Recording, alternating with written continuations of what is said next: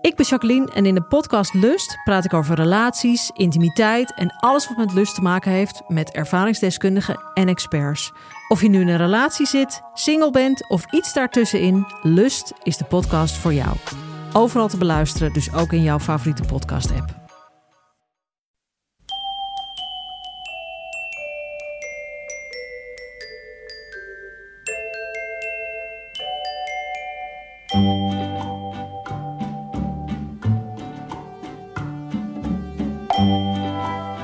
Welkom bij aflevering 219 van Echt Gebeurd, de podcast waarin waargebeurde verhalen worden verteld door de mensen die ze zelf hebben meegemaakt. In deze aflevering een verhaal dat Jack Druppers afgelopen april vertelde tijdens een verhalenmiddag met het thema Een goede daad.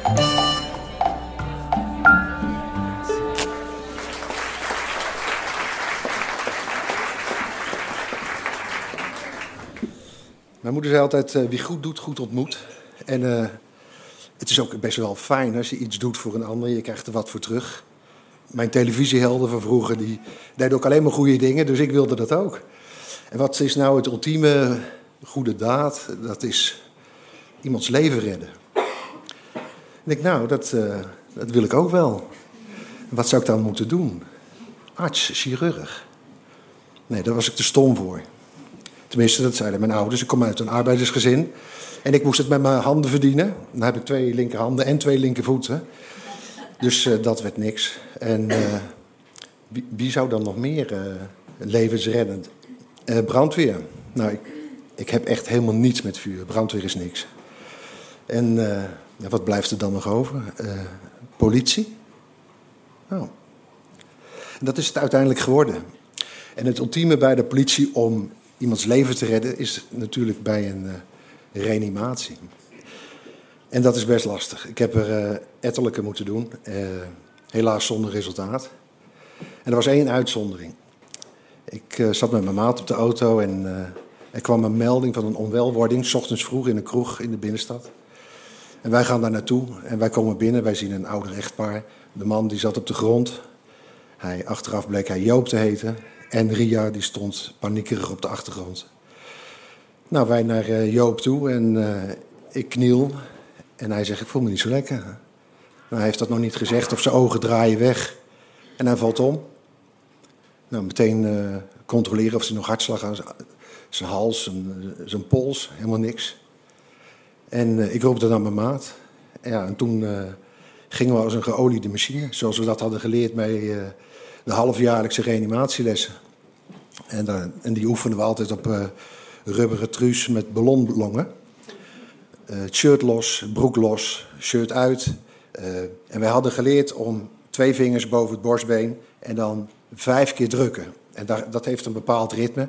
100 compressies per minuut, dat is een beetje de perfecte maat. En het werd ons ook geleerd om, dat, om dan een liedje in je hoofd te nemen wat ongeveer daaraan voldeed. En het blijkt dat, hoe, uh, hoe treffend, Staying Alive van de Bee Gees uh, precies 100 compressies heeft per minuut.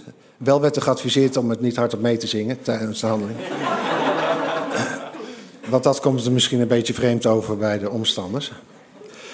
Maar goed, wij zijn daar zo bezig en uh, Truus die, die vertelde het hele levensverhaal. En je hebt niet de gore moed om me hier te, alleen te laten. Uh, wat blijkt, het, het is een, was een ouder echtpaar, uh, altijd een schoonmaakbedrijf gehad.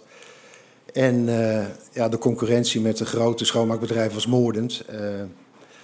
en ze hadden ook nooit gespaard of een, een, een AOW, pensioen opgebouwd. Dus ze waren eigenlijk genoodzaakt om dit werk te blijven doen. Ja, ik denk, ik schat dus ongeveer in de 70. En Joop bleek al uh, vijf keer eerder een, uh, een hartstilstand te hebben gehad. En zijn vrouw zegt, nou, uh, bij zijn hart, dat lijkt net het Prins Klausplein bij Den Haag. Zoveel omleidingen had hij gehad. ik denk, nou, dat wordt kansloos. Als dit al de vijfde is, dan moet ik hier stoppen. Op dat moment ben je natuurlijk niet bezig om, om zeg maar, een goede daad te doen. Ben je eigenlijk echt bezig om, om iemands leven te redden. En bij de achtste reanimatiecyclus kreeg ik weer hartslag. En ik zeg tegen maat, hey, hartslag stoppen. En op dat moment komen de vier, broeders binnen. En uh, die stabiliseren hem verder. Nou, uh, die gaat, de ambulance in zijn vrouw, die gaat mee naar het Onze Lieve. Nu waren wij erbij. Wanneer ben je nou binnen een aantal minuten, de eerste zes zijn geloof ik cruciaal. Wanneer ben je nou binnen zes minuten te plaatsen? Er moet eerst iets geconstateerd worden, dan moet 112 gebeld worden. Dan moet dat naar de juiste dienst. En nou, na een minuut of vijf krijgen wij de melding pas uh, over de mobielefoon. En dan moet je nog te plaatsen. Dus het is gewoon heel zelden dat dat lukt. Uh, ambulances hadden zo'n, nou, misschien wel 20, 25 jaar geleden, een, een, protocol dat ze na een bepaalde tijd niet meer hoefden te reanimeren. Omdat het geen zin had. Mijn eerste reanimatie herinner ik me, en wij kregen de melding dat er een fietser was omgevallen in de stromende regen. En wij moesten al tien minuten daar naartoe rijden om, uh, om het te bereiken. En wij waren nog voor de ambulance en ja, alles werd uitgepakt om toch te reanimeren. We zijn zo'n zo, zo tien minuten bezig en echt storten van de regen. En die broeder is op, op, zat, zegt, up, in de ambulance. En uh, dat slachtoffer werd verder gereanimeerd, maar in de ambulance was het nog veel erger. Uh, wat bleek, ik had zeg maar, als je moet reanimeren moet het hoofd goed naar achteren, want anders blaas je de lucht niet via de luchtpijp in de longen, maar in de maag. En ondanks het, het, het lichaam niet meer leeft, komen er toch reflexen vrij. Met als gevolg een fontein van de laatste versnaperingen van het, van het slachtoffer vermengd met maagzuur. Dus dat, dat vergeet je ook nooit meer. Maar die broeder is bezig in die, in die ambulance. Het stinkt, alles is bezweet en, of beslagen. En ik weet nog dat hij, en ik stond met zulke ogen te kijken. Hij trekt al, ineens al die plakkers eraf. Zo, zo is die, die is dood. nou goed, dat soort dingen gebeuren kennelijk. En wat er met zo'n slachtoffer gebeurt, dat hoor je meestal niet. Maar uh, zeg maar een half jaar na dat gebeuren liep ik op de Lindengracht, op de markt, op zaterdagochtend, en ik zie Ria staan. En uh, ik, ik ga naar Ria toe en ik zeg, hé uh, hey Ria, hoe, hallo, hoe is het? En ze zat zo te kijken van... ik zeg, ja, ik ben die, jij bent die agent die nieuw leven blies in, in, in mijn Joop. Ik zeg, ja, en ik was eigenlijk gereed om het helderdom te betreden. en ze zegt van, nou, ik, was daar, ik wou dat je nooit gekomen was. Zeg, wat zeg je nou, Ria? Ze zegt, ik kom de volgende dag in het uh, Onze Lieve om een nieuwe verschoning te brengen voor Joop. Zie ik een, een spiernaakte kerel door de gang rennen, ingezeept en wel. Was het mijn Joop? Helemaal wappie. En, en nu zit hij in een verzorgingstehuis, want ik kan hem niet meer thuis hebben. Dus je wordt bedankt.